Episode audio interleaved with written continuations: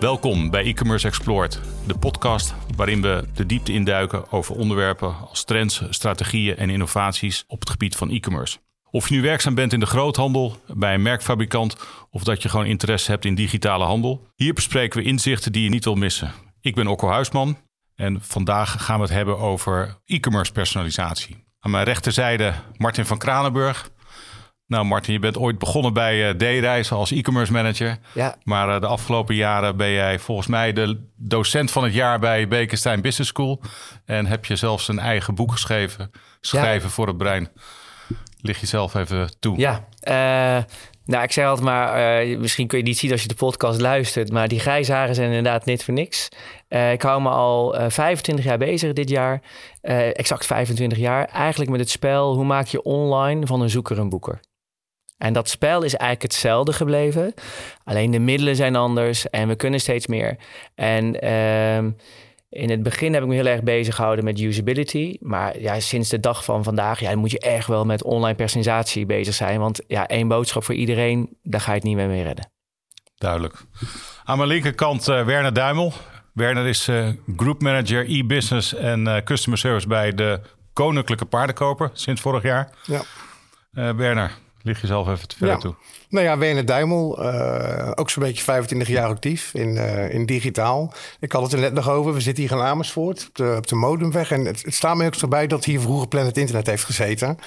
Vond ik ergens ook wel een leuke combinatie. Maar goed, dat uh, hou moeten goed als het niet zo is. Maar goed, nee, ooit begonnen in de, in de telecom. daar toch wel een jaar of tien gewerkt. En op een gegeven moment stap gemaakt naar de zakelijke markt. En eigenlijk van dag één af aan, zeg maar, eigenlijk al gelijk in de, in de groothandel. Nou, nu de laatste bijna vier jaar werkzaam bij, bij de Koninklijke Paardenkopergroep. Nou goed, ik sluit maar bij Martin. Personalisatie, we gaan het er vandaag over hebben. Belangrijk onderwerp voor onze klanten. zeker ook zeg maar, voor, de, voor de zakelijke markt. Duidelijk. Kun je iets meer vertellen over paardenkopen, over jullie productassortiment, over type klanten? Omdat dat ook wel waarschijnlijk invloed heeft op personalisatie. Nou goed, paardenkoper, uh, Koninklijk inderdaad. Dus uh, nu iets meer dan 100 jaar actief in de markt. Uh, echt het, het cliché-verhaal. Hè? Ooit begonnen als een klein winkeltje, zou je kunnen zeggen. De roots liggen in, in Rotterdam. Ja, fantastisch mooi bedrijf. gegroeid maar, tot een organisatie van zo'n 800 man. Uh, met tienduizenden klanten. Uh, zowel actief in Nederland als ook uh, eigenlijk wereldwijd. Wij zijn vooral actief in de verpakkingsindustrie. Als je dan kijkt naar onze organisatie, dan, dan is onze organisatie ingericht eigenlijk op drie, drietal segmenten, marktsegmenten. De eerste is de food and service tak. en de tweede is de horti tak. En de derde de agri-industrie tak. En vanuit daar zeg maar, ja, bedienen wij dus de, de klanten die in een van die takken, of, of meerdere takken natuurlijk, net zo goed actief is, op het gebied van, van de verpakkingsindustrie. En als je dan kijkt naar, we gaan even naar personalisatie kijken, hoe pas je dat dan toe, dat je die verschillende doelgroepen ook aanspreekt? Ja, dat is een goede vraag. Uh, ik maak zelf onderscheid tussen de customization en personalization, om het zo te zeggen. Uh, customization, uh, dat vertaalt zich met name naar het, het, aanpassen van onze producten. Je moet je voorstellen dat veel van onze klanten, dat zijn ook grote klanten, die uiteindelijk zeg maar, hun eigen logo bijvoorbeeld op de, op de verpakking willen en dergelijke. Of ander soort wensen en, en ook voorwaarden hebben. Uh, daar passen wij de verpakking op aan. Daar hebben we ook mensen voor een dienst, uiteraard. Uh, dus dat zit er meer in de customization. Dus echt op het product en ook net zo goed op de diensten die daaruit voortkomen. Uh, de personalization kant, dat is echt zeg maar, het uiteindelijk zeg maar, gebruik maken van de klantdata. de klantsegmenten die wij bedienen vanuit de verschillende ja, takken van sport binnen onze organisatie. Dus de manier waarop je uiteindelijk zeg maar, het product onder de aandacht weet te brengen. Middels verschillende kanalen. Uh, nou ja, bij je uh, klant of potentiële klant. Ja. Martin. Ja. Je bent goeroe op dit vlak. Ja, goeroe. Um, nou kijk, ik draai al uh, een jaartje mee. Het blijft het spel. Hoe overtuig je iemand om met jouw zaken te doen? Of meer te bestellen. Dus het is zeg maar het spel van een dialoog snappen. En met wie ben je in gesprek? Wie wil je overtuigen tot gewenst gedrag? je bent met gedrag bezig. En dat spel wat voorheen zeg maar voor uh, waarin de, het voor de bezoeker was. Ja, je had één boodschap voor iedereen. Ja, het, eigenlijk het spel wordt alleen maar mooier. Want je kan nu gaan segmenteren. De technieken zijn er. Dus je ziet bijvoorbeeld als iemand die nog geen klant is, uh, uh, maar al voor de derde keer komt, ja, dan kan je je dialoog op aanpassen. Of bijvoorbeeld als je ziet dat mensen uit Facebook komen en ze komen op je homepage, ja, dan zou ik daar maar een andere call to action button neerzetten dan dat iemand uit AdWords komt. Dus je kan nu heel erg spelen met de on-site personalisatie, want daar vind ik echt dat de kracht ligt. Dat moet voelen als een gesprek. Het moet voelen als een dialoog. En nog belangrijker misschien wel, klanten vinden het fijn als ze herkend en erkend worden. Okay, ik begrijp wat je zegt. Hè? Het klinkt allemaal heel mooi en ja. de theorie. Maar goed, daar zit Werner en die uh, heeft te maken met ERP-systemen en met, ja, met, klanten die blijven bellen en, en uh, niet herkend worden online. Bedoel, het is uh, makkelijker gezegd dan gedaan. Hoe, hoe zou je dat nou eens dan concreet willen maken? Hoe, hoe, hoe kun je dat nou ja, begin, sim begin simpel. Begin simpel. Um, je moet eerst goed kijken van wat is je business uitdaging. Dus je moet eerst goed kijken voor welk segment willen wij een personalisatiestrategie maken. Oh, daar zit want, want zeg maar, um, excuus, want je moet goed, goed weten van. Uh, ja, kijk, ik ken, ik ken de paardenkoper uh, niet. Ik kom een beetje uit de, de branche, maar bijvoorbeeld de, de reisbranche. Daar heb je ook een aantal segmenten. Moet jij het even kijken van hoe kan je het vertalen zeg maar, naar paardenkoper. Maar dan heb je bijvoorbeeld uh, segmenten met gezinnen met kleine kinderen. Uh, gezinnen met schoolgaande kinderen en de ouderen. Nou, het heeft geen enkele zin om te gaan segmenteren op gezinnen met eh, schoolgaande kinderen. Om die meer te laten boeken. Want joh, die, die, zijn, die moeten in die periode. Dus een segmentatiemodel op dat segment bouwen is eigenlijk best zinloos. Dus je moet gewoon gaan kijken voor welk segment ga je nu. Is het zinvol om persoonlijker te gaan communiceren? En dat is eigenlijk stap één. Dus, dus waar ligt je business uitdaging? Daar moet je naar gaan kijken. En een voorbeeld, ik pak hem toch even in die reisbranche.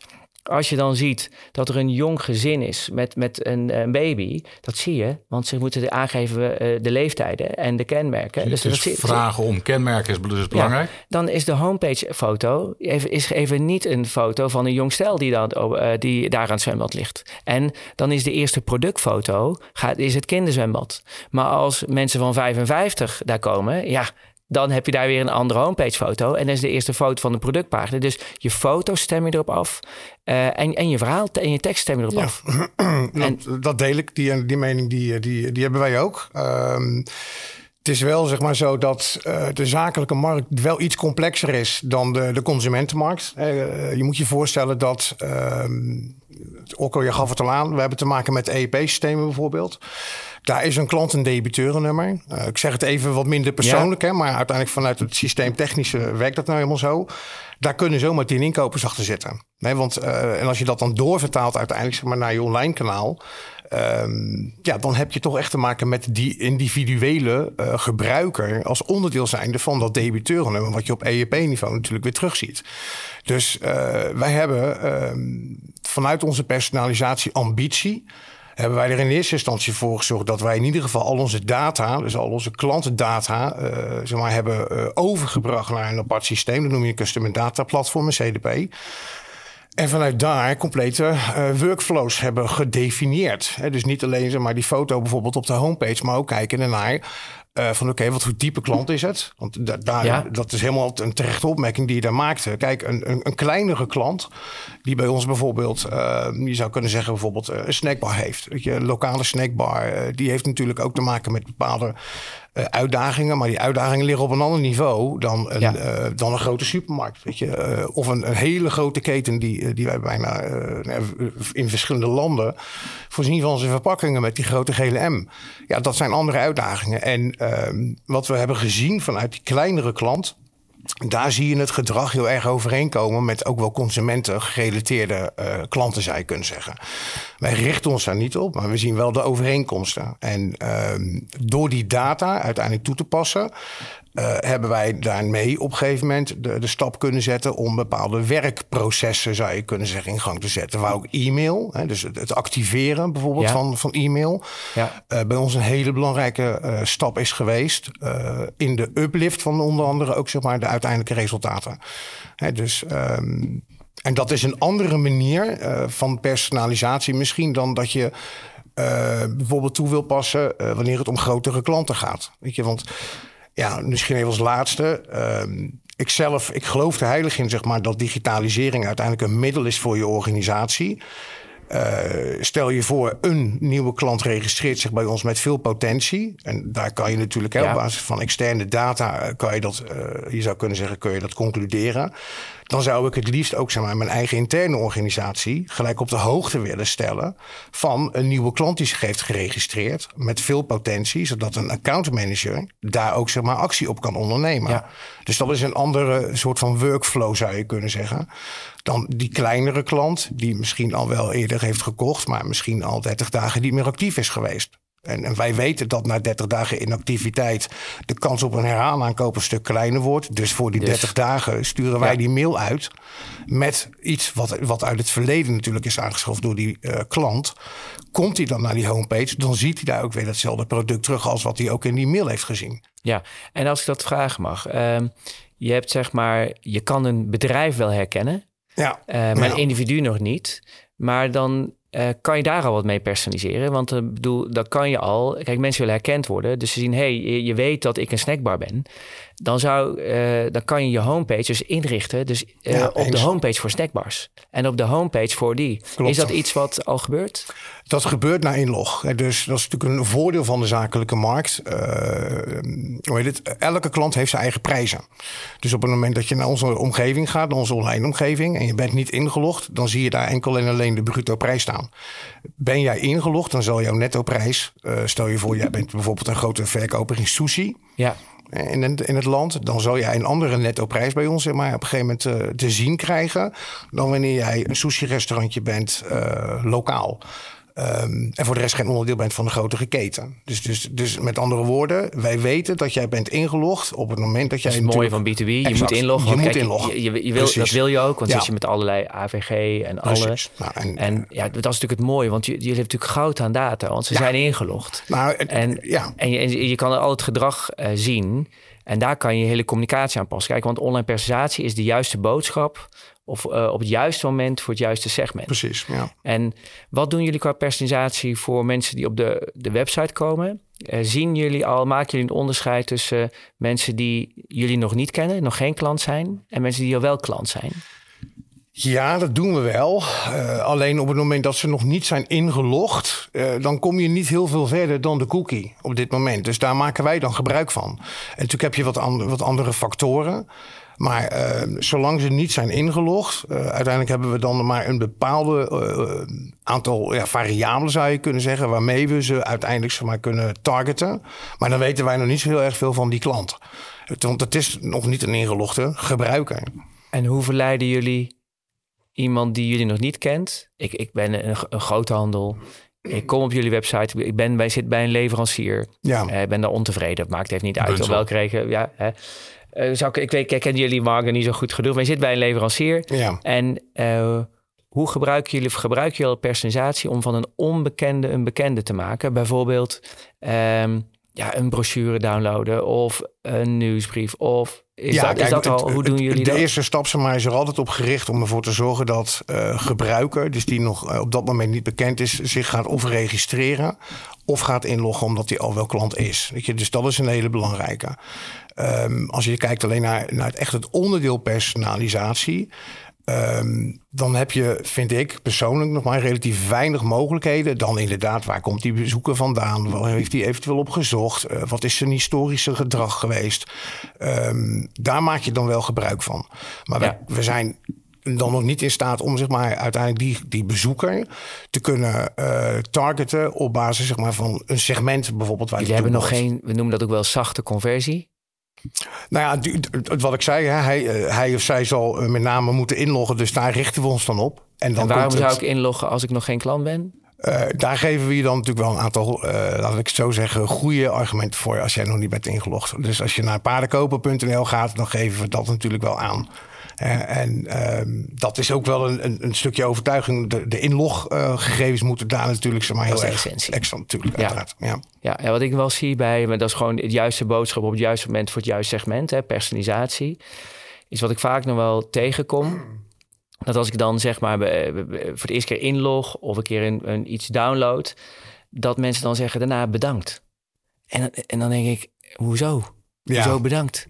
Want als je het over personalisatie hebt, dan is dit het moment dat je vragen moet gaan stellen. Ja, dan is eh, dit het moment dat je eh profielen moet gaan opbouwen. Exact. Van hé, hey, we zien dat je, je, je bent nog geen klant, je, bent, eh, je wil dat.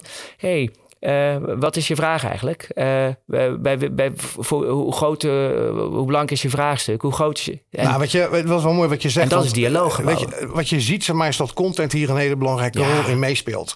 Dus je, je wil je, ehm, laat ik zo maar zeggen, niet ingelogde eh, eh, gebruiker, die wil je inspireren. Dus weet je, dat doen we ook samen met marketing. Dit- Er zijn bij ons verschillende zogenaamde klantverhalen. Dus daarmee inspireren we eigenlijk, zeg maar, eh, nou ja, die persoon zeg maar, die bij ons op dat moment online is, die dus nog niet is ingelogd, waarvan we ook niet weten of die gaat inloggen natuurlijk. Dus we geven die een stuk inspiratie mee van oké, dit is wat paardenkoper ook voor andere klanten doet. En dan komt er daarna de call to action. Hè, bij meer interesse kunnen ze wel downloaden. Nou, die gegevens die gebruik je natuurlijk ook in de vervolgcommunicatie. en die houden jullie vast. Tuurlijk. je, En dat is een hele belangrijke ook, want kijk, je moet je voorstellen, een organisatie die al meer dan 100 jaar oud is, die heeft bepaalde eh, gewoontes. Dat, dat, is, dat is overal zo. Ik denk dat het met meerdere luisteraars eh, vanuit de groothandel, maar ook vanuit andere grotere bedrijven dit zullen herkennen. In bepaalde opzichten ehm, wil je dat digitaal een spin-off gaat worden, eh, hetgeen een andere manier van werken ook met zich meeneemt.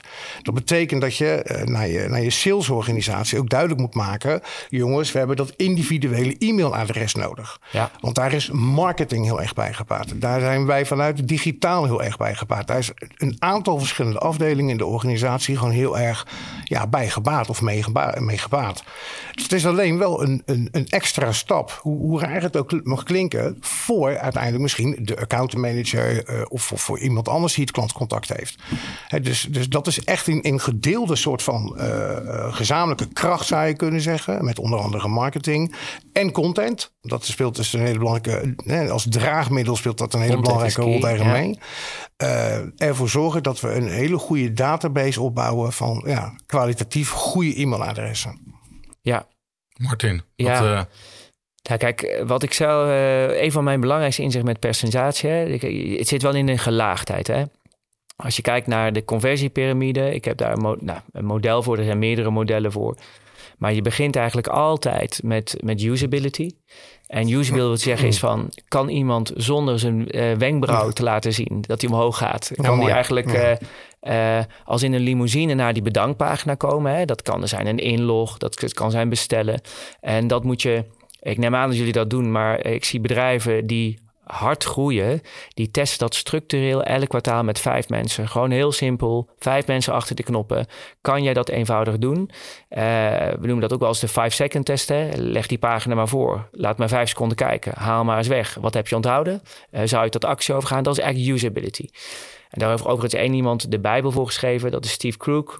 En de titel van het boek zegt het al. Don't make me think. Dus laat je bezoeker nooit nadenken in die klantreis. Nou, daarboven ligt zeg maar nog... dan eigenlijk komt findability, hè, SEO. Eh, dat spel gaat overigens helemaal veranderen... eh, in, in deze tijd Ja. van eh, ChatGPT. En dan heb je persuasion. En persuasion wil zeggen is, snap jij hoe je een dialoog bouwt dat je mensen kan verleiden? En, en verleiden heeft te maken dat ik aanga. Dat als, als ik voor het eerst daar kom, denk ik, ja, hier moet ik zijn. Eh, wat beloof je mij? Eh, hoe bewijs je dat? Dus die, die communicatie is daarin heel belangrijk. En als dat klopt, wat, wat je eigenlijk doet, je gaat die persuasion laag. eh, ik, ik noem dat, ik heb daar een framework voor, dat is van B.G. Fogg. Ik weet niet of dat wat zegt. Zegt jou dat? Het zegt me wel iets, Ja. maar het is er niet. Ja. Ja, eh, wat zegt het je? Nou, het is het, het, het voor mij is ik, ik, ehm, ik plaats hem in de hoek van de CRO. Dus daar Ja. zit hij voor mij zeg maar meer. Dus Absoluut. daar associeer ik hem mee. mee. Dus, Ja, maar eh, ik, ik zie personalisatie zeg maar als CRO voor segment. ja, dat, En, en, en ja. ehm, eigenlijk ben je bezig met gedrag. Je wil dat mensen inloggen. Als ze zijn ingelogd wil je dat ze doorgaan. Je wil dat ze bestellen. Als dit besteld hebben wil je dat ze bijbestellen. Het is allemaal, het is allemaal gedrag. En eh, gedrag ontstaat, en we noemen dat het behavior model. Eh, je kan gedrag ontwerpen als mensen gemotiveerd zijn. Uh, als het gedrag simpel is om te doen. En als er de juiste trigger is om bijvoorbeeld in te loggen. hey, als je nu inlogt, dan. En daar kan je een heel communicatiemodel op loslaten. Nou, als je dat snapt, dat model moet je niet meer voor iedereen doen. Dat moet je voor de segmenten doen die voor jou belangrijk zijn voor je businessmodel. En een van mijn belangrijkste inzichten als je gaat kijken naar, naar productpagina's, naar PDP-pagina's, uh, naar filtering. Bezoekers zijn zo kort op de website. Uh, dat maar is ook onderzocht dat maar 20% van jouw teksten uh, worden gezien. Dus als ik zou uh, met, die, met die kennis nu, als ik zou gaan personaliseren, zou ik alleen maar gaan beginnen. Begin nou simpel. Begin bij het segment, bij één klein segment waar je de meeste impact gaat maken. Ga niet de fout maken om meteen al individueel uh, te willen personaliseren. Nee, je moet eerst leren op die segmenten. En ga dan eens kijken, hé, hey, die, die foto. Uh, hebben we ook andere foto's die relevant zijn? Dan kunnen we die variëren. Precies. Kijk eens naar de, de, de kopteksten. Uh, kunnen we die variëren? Kijk eens naar de call to action button. Meerdere onderzoeken waarin blijkt als je de call to action button personaliseert op basis van klantreactie en kanaal, haal je al meer dan 200 procent nou ja, conversie omzet. Eens, kijk, en doe, ik, ik weet niet of je het met mij eens zal zijn als ik tegen je zeg van joh, weet je, wij trekken ergens een verschil zeg maar, tussen hetgeen wat er buiten de eigen omgeving gebeurt. Dus hoe ga je uiteindelijk kwalitatief goed verkeer, hè? Dat, dat blijft toch gewoon een belangrijk onderwerp Absoluut. natuurlijk, naar je eigen, naar je eigen online omgeving uh, toetrekken. Wetende dat je veel verschillende klanten natuurlijk bedient, hè? In, in, laat maar zeggen, uh, qua criteria. Uh, dus dan heb je het inderdaad over SEO. Je hebt het gewoon over SEA. Je hebt nou goed het doel. Uh, hoe gaat er gewoon het juiste verkeer naar mij toe komen? Um, daar lag altijd heel veel focus op. Um, Oké. Okay. Dat zijn wij wel zeg maar, aan het veranderen. He, dus uh, wij zijn sinds ongeveer, ik denk een jaar, anderhalf jaar, zijn we continu bezig met onder andere juist ook die CRO. Ja. En wat ik zo mooi vind aan CRO, uh, want ik hoorde jou ook het, het, het onderwerp usability al noemen de devil is in de detail. Dat is, dat is juist zo mooi. Je blijft er continu mee optimaliseren. Wel gebruik maken van data. dus, uh, dus, dus je hebt daar wel bepaalde ja, tooling voor, zou je kunnen zeggen. Dus ook net zo goed je AB-testing is daar bijvoorbeeld een heel simpel voorbeeld van. Maar je kunt daar op basis van hypotheses wel heel duidelijk iets kunnen, kan je daar op een gegeven moment mee gaan onderzoeken. Nou, uh, slaagt dan uiteindelijk zeg maar, zo'n onderzoek op basis van de hypothese die jij zelf hebt gedaan. Ja, dan zet je hem ook door naar, naar je totale audience, hè, naar je totale publiek. Ja, het is wat mooi wat jij zegt inderdaad. De, de, de dev is in de details. Ja. Dus dat betekent dat als ik zeg maar die snackbar ben, wil ik dat je me herkent als snackbar. Dat is zo. En dan wil ik dat als ik op die website kom, ja. hey, wist je dat uh, de, de, deze trends en ontwikkelingen zijn er voor snackbarhouders? En ik, hè, dat exact. Ben ik. Nou, dat, ben ik. dat is precies waar we het over hebben. En nog heel even, want ik, ik wil ja, nog één ding mooi. noemen. Kijk, als je het dan hebt over uh, een organisatie zoals, zoals wij dat zijn. Uh, we hebben tienduizenden klanten. En wij zijn nog niet in staat um, om per segment ook individueel in dat ene segment te kunnen personaliseren. Dus begrijp je wat ik bedoel? Dus wij hebben in totaal hebben wij een x aantal segmenten gedefinieerd in onze organisatie. Je zei net heel groot, drie noteerde ik zeg maar food, ja, dat zijn, nee, dat, zijn de, dat zijn de markten, de markten. die wij bedienen. Ja. Maar dan uh, daar overheen, dat is een soort van matrixmodel zou je ja, kunnen zeggen, okay. hebben wij een x aantal klantsegmenten weer gedefinieerd. Ja. Nou, we hebben uh, behoorlijk wat SKU's, wat heel veel artikelen. Nou, per segment kan het bijvoorbeeld in de, in de onderste regio kunnen dat wel tienduizenden verschillende klanten zijn. Nou, als je daar binnen met een x aantal duizend SKU's ook nog eens een keer op individueel niveau wil gaan targeten ja, dat zou je misschien wel gaan aanspreken. Dan gaat wel langzaam maar zeker de rol van artificial intelligence oh, daar een ja, belangrijke in worden. Dat, dat, dat moet je uiteindelijk wel durven te gaan overwegen, te gaan toepassen.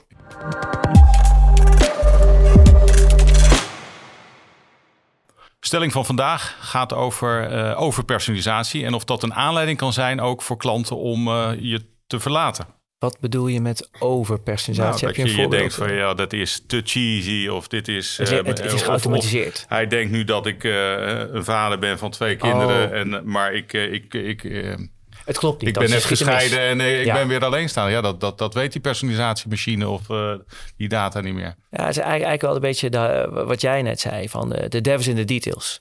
Dus als ik voel dat het ik, een beetje de marketing automation-achtig, zeg maar. Ik vind het over zo'n afschuwelijk woord, want een relatie kan je niet automatiseren. Uh, maar als ik voel dat ik, dat, dat je, dat ik soort van geautomatiseerd word en ja, dan, dan, dan neem je eigenlijk elke keer afscheid van je klant. Dus het moet gewoon wel relevant, uh, raak en, en normaal zijn. En ik denk zelfs dat als je, als ik, hoe ik personalisatie eigenlijk zie, is dat je, uh, als het een belangrijke klant is, dat je hem ook gewoon een keer belt. Tuurlijk. En, en, en dat, je, dat je juist, want en, en, Zeker. en personalisatie is ook uh, uh, een goed profiel willen, willen, willen opbouwen van klanten. Dus um, ik heb liever dat je zeg maar hoog over begint. Uh, waarin ik al voel, begin daar maar eens mee. Van, ik ben een snackbarhouder, heb ik een homepage waar snackbarhouders zich thuis voelen. Want dan, dan, dan heb je al een stap voor. Dan hoef je me niet helemaal te kennen, we gaan daarna maar naar beneden. Als, dat, als die snackbarhouders niet belangrijk zijn, dan ga je er niet mee beginnen. Ja? Dus je gaat bij het segment beginnen en dan ga je kijken van oké, welke content zien ze eigenlijk? Nou, dat is maar 20%. Dat zijn foto's, dat zijn call to action buttons. En ga daar eens hypotheses voor maken. En uh, zet ook doelen. Zorg ervoor dat je personalisatie ziet als onderdeel van je CRO-agenda, je CRO-proces. En zet daar doelen in. En ja. we hebben in het verleden ook al klanten geholpen. Zeggen, joh, we gaan gewoon elke kwartaal hebben we vijf personalisaties lopen. Na elk kwartaal gaan we ook evalueren. En bij voldoende data hakken we ook de knopen door. En toen in één keer ging het lopen. Ja. Want ik, ik kom ook bij, bij sommige bedrijven. En dan, nou, dan sprak ik de afdeling IT. En zei, nee, we zijn al nee, drie jaar bezig. En we hebben alle data hebben verzameld. En we gaan echt, Martin, dadelijk uh, gaan we echt uh, meteen één op één uh, gepersonaliseerd. En, en, maar hoe lang zijn jullie bezig? Ja, nee, ja, nee al drie jaar. En... Welke dialoog heb je nu aangepast voor klanten? Als maar een klein dingetje. Nee, ja, nee, nee, nee, daar waren we te druk voor. Ja, dan denk ik, jongens, als dit jouw ritme is, dan ga je de wedstrijd verliezen. Ja. Ga je echt de wedstrijd nou, verliezen. En hier, hier, zie je content een belangrijke rol spelen. Wat jij nu zegt inderdaad. Tenminste, dat, dat relateer ik ook echt wel naar, die, naar de contentkant. En dat, dat, dat, dat inspirationele. Um, wat wij wel doen, ik ben wel benieuwd wat jij daar dan zelf ook, hoe je daar tegenaan kijkt. Hè? Want wij hebben ook klanten die, um, nou, die, die kopen met name klantspecifiek. Dus die hebben veel klantspecifiek verpakkingsmateriaal. Wat dus echt alleen in hun omgeving ja. dan uiteindelijk wordt getoond. Um, dan zit je echt op de com, hè, op de e-com kant natuurlijk. Uh, daar worden, uh, laat ik het zo zeggen, aparte catalogie voor gemaakt. Dus op het moment dat een klant... Precies, is al gesegmenteerd. Uh, exact, ja. dus, dus waarbij de klanten ook al zijn geweest... die hebben gezegd van joh, het, het, het, hetgeen wat jullie nog meer aanbieden... is voor ons veel minder relevant. Dus ik hoef het eigenlijk ook niet meer te zien. Dus dan wordt er ook op productniveau, productcatalogisniveau... wordt er in die zin, zou je kunnen zeggen, zelfs ook nog... nou ja, toch gepersonaliseerd. Ja. Zeg maar, en um, als je dat weet aan te vullen nog eens een keer met content. Nou, dat zetten we natuurlijk deels in. Hè, vanuit onder andere ook wel weer het aanjagen via mail. Maar net zo ja. goed ook op het moment dat de klant inlogt. Ja, dan heb je een hele mooie, ja, laat ik maar zeggen, handshake tussen hetgeen wat die klant uiteindelijk naar je toe trekt. Omdat die denkt van joh, ze zijn altijd op de hoogte. Ze zijn dus ja. up-to-date. Wetgeving en duurzaamheid spelen bij ons een hele belangrijke rol mee. Dat is iets waar paardenkopen altijd mij uh, over informeert. En daarnaast zie ik ook nog eens een keer gewoon, weet je, via de juiste bestellijsten mijn artikel uh, assortiment ja. daar staan. Ja, dan heb je, dan sla je twee vliegen in één klap. Hè, dus uh, ja, ja. Dat, ja, dat is wel echt waar die content samen met het assortiment dus samenkomen. Heren, we hebben een uh, vaste rubriek in deze podcast. Dat is de blik op de toekomst. En ik zou graag willen dat jullie uh, ons eens meenemen als luisteraars. Van hoe zie je nu personalisatie in e-commerce over vijf jaar? Hoe ziet die wereld eruit? Hè? Ik werd al even AI uh, genoemd, ChatGPT. Kun je ons eens, kun je eens concreet maken, Martin, hoe jij denkt dat een gepersonaliseerde e-commerce site werkt over vijf jaar? Het zijn goede vragen. Dat zijn. Um het grappige is, deze vraag kreeg ik drie jaar geleden in een podcast uh, van, uh, van de IMU, van Tony en Martijn. En drie jaar geleden de, zaten we echt nog in het online. Hè? Zaten we echt in de, de, de laag van, van persuasion naar personalisatie. En toen vroeg hij ook, en wat over drie jaar? Nou, ik zal de video wel eens met je delen. En toen zei ik, de, drie jaar geleden, zei ik, nou, dan moet je nadenken over AI, artificial intelligence, gepersonaliseerde robots. Dus, maar, maar nu, je vraagt nu eigenlijk weer vijf jaar verder. Ja, vijf jaar verder moet je überhaupt nog afvragen of je website bestaat. Uh, ik denk het niet, uh, misschien nog wel. Maar we gaan echt toe naar conversational AI. En conversational AI is dat ik op een website kom En kijk, heel veel websites zijn nu nog monologen. Uh, je kan klikken, je kan een product pakken. Ja, dat wordt gewoon kansloos. Want het wordt gewoon over. Dan kan ik gewoon zeggen: hey, ja, ik ben. Wie, wie, ben je? Ja, nou, ik ben die snackhouder. hey, waar ben je vandaag naar op zoek? Ja, nou, ik ben uh, daar en daar naar op zoek. Um, hebben jullie dat op voorraad? Ja, ja oké. Heb je ook een prijslijst? Ja, wacht even. Dus ik ga gewoon in gesprek. websites gaan van monoloog naar dialoog. En, en mensen gaan in gesprek. In dat gesprek kan ik alvast een profiel opbouwen. Dus ik weet, hey, in, in die vragen ga ik meteen al een profiel opbouwen.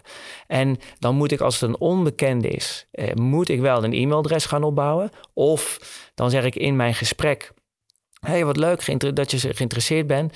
Zal ik eventjes een vrijblijvende online uh, afspraak inplannen met een van onze salesmensen? Hier heb je een Kennedy. Ik schiet meteen een Kennedy uh, afspraak in. En zo maak ik van een onbekende een bekende. Dus dat wordt zeg maar dialogisch.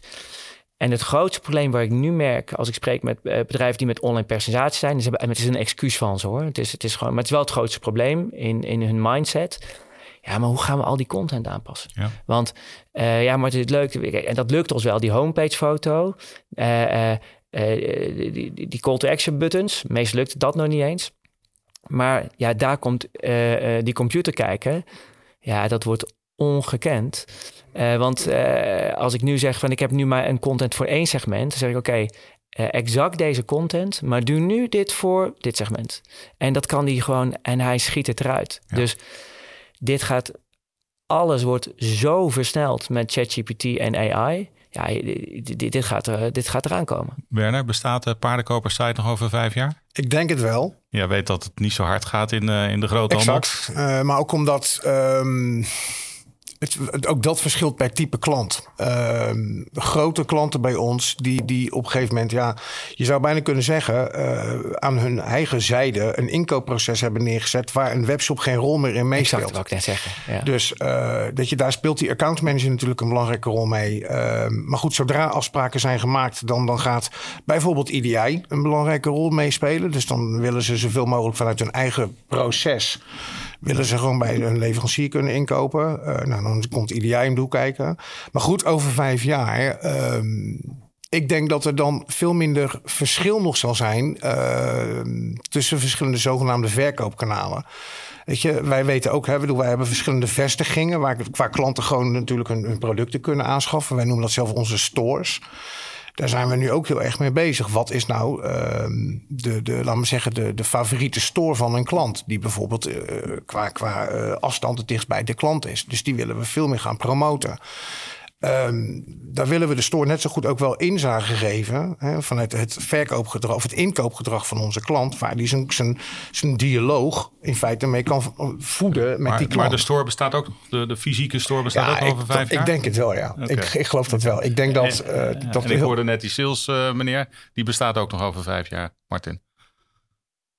Die bestaat zeker. Kijk, weet je, uiteindelijk gaat zeker in de B2B-branche, het gaat om relaties bouwen. Ja, precies. En, en maar, eh, en je, kijk, jullie, moeten, jullie zullen dan ook onderzoeken. Wat is voor ons, wat is de ideale klantreis? Hoe ziet die ideale klantreis eruit? En een klant die af en toe de moeite neemt om bij jullie in de fysieke winkels te komen, dat, is je gouden klant. Ja, dus, even Martin, de ideale klantreis hebben we twee weken geleden besproken. Dus daar gaan we het uh, nu nee, verder nee, niet meer over hebben. Nee, maar kijk, stel je voor als kijk, stel je voor, wat is je, ide wat is je ideale flow? En dat is een percentage wel heel belangrijk in. Als jij weet dat uh, als iemand twee keer per jaar bij jou in, in lokaal even zeg maar in de winkel komt, dan blijft die klant. Maar op het moment dat je ziet dat iemand klant is en die heeft het afgelopen jaar heb je hem niet over de vloer gezien, ja, daar moet je je communicatie op gaan nee, dat, dat, ben ik al met je eens. Want dan weet je dat je die klanten houdt. Dus je moet eigenlijk, je hebt je ideale klantreis heb je echt in beeld gebracht. Uh, en alles, en je weet het exacte pad en alles wat die buiten dat pad valt, moet je kunnen doormeten. En dan zorg je dat hij weer terug in dat pad blijft. Dan weet je dat die klant blijft. Exact. Maar uh, dus, dus het, gaat meer, ja, het gaat meer over elkaar heen lopen, als het ware. Hè? Dus uh, ik denk dat dat een heel belangrijk verhaal is. En ik geloof heilig in de conversational kant. Ja. Dus daar ben ik 100% van overtuigd. Dat het die kant op gaat, ja. ja Dus dat geldt voor het, digitale kanaal. Maar dat kan ook net zo goed gelden voor uiteindelijk zeg maar, weet je, bij wijze van spreken op afroep zeg maar, beschikbaar maken van, van binnendienstmedewerkers. Natuurlijk, servicevragen. Wat denk je van, wat denk je van service? Exact Ik heb een vraag. Ja. Je, de, dus dus dat, gaat, dat gaat verder. De tijd vliegt. Ja. We gaan hier nog, uh, we gaan hier van, uh, we kunnen hier nog uren over doorpraten. Het is uh, leuk om te zien dat het een, een onderwerp is wat leeft. Waarin we nou waarschijnlijk ook nog niet helemaal kunnen voorspellen waar het allemaal naartoe gaat. Waarin we in ieder geval één ding zeker weten: dat de klant vraagt om de beste klantreis, de ideale klantreis. Ja. En dat wij daar als leveranciers, hè, dat we onszelf daar, ons daarop moeten organiseren. En uh, dat kan enerzijds zijn door eh, meer vragen om informatie, wat ik uh, je hoorde zeggen. dus iemand registreert zich, maar zijn we dan ook in staat om naast bedankt ook te vragen van joh, wat zoek je nou eigenlijk? Ehm, ik hoor te zeggen, personaliseren is segmenteren. Nou, Absoluut. Dus ga niet naar hyperpersonalisatie, maar begin klein. stap voor stap, ritme hoor ik je zeggen. Dus ja. Ga meten en, en, probeer je successen om te zetten in resultaten. En ga van daaruit verder. wat ik hoor over vijf jaar is dat we nog steeds omnichannel zijn. Dus, Absoluut. Uh, conversational commerce, een hot topic wat er, uh, wat eraan gaat komen. Ja. Nou, eh, hele mooie onderwerpen waar we wellicht ook weer nieuwe podcasts aan kunnen gaan wijden. Ik wil jullie danken voor jullie aanwezigheid. Martin van Kranenburg en Werner Duimel. Mocht je vragen hebben naar aanleiding van deze podcast, geef ze aan ons door in de description van deze podcast. Het onderwerp voor de volgende podcast gaat over de kracht van Omnichannel. Tot dan.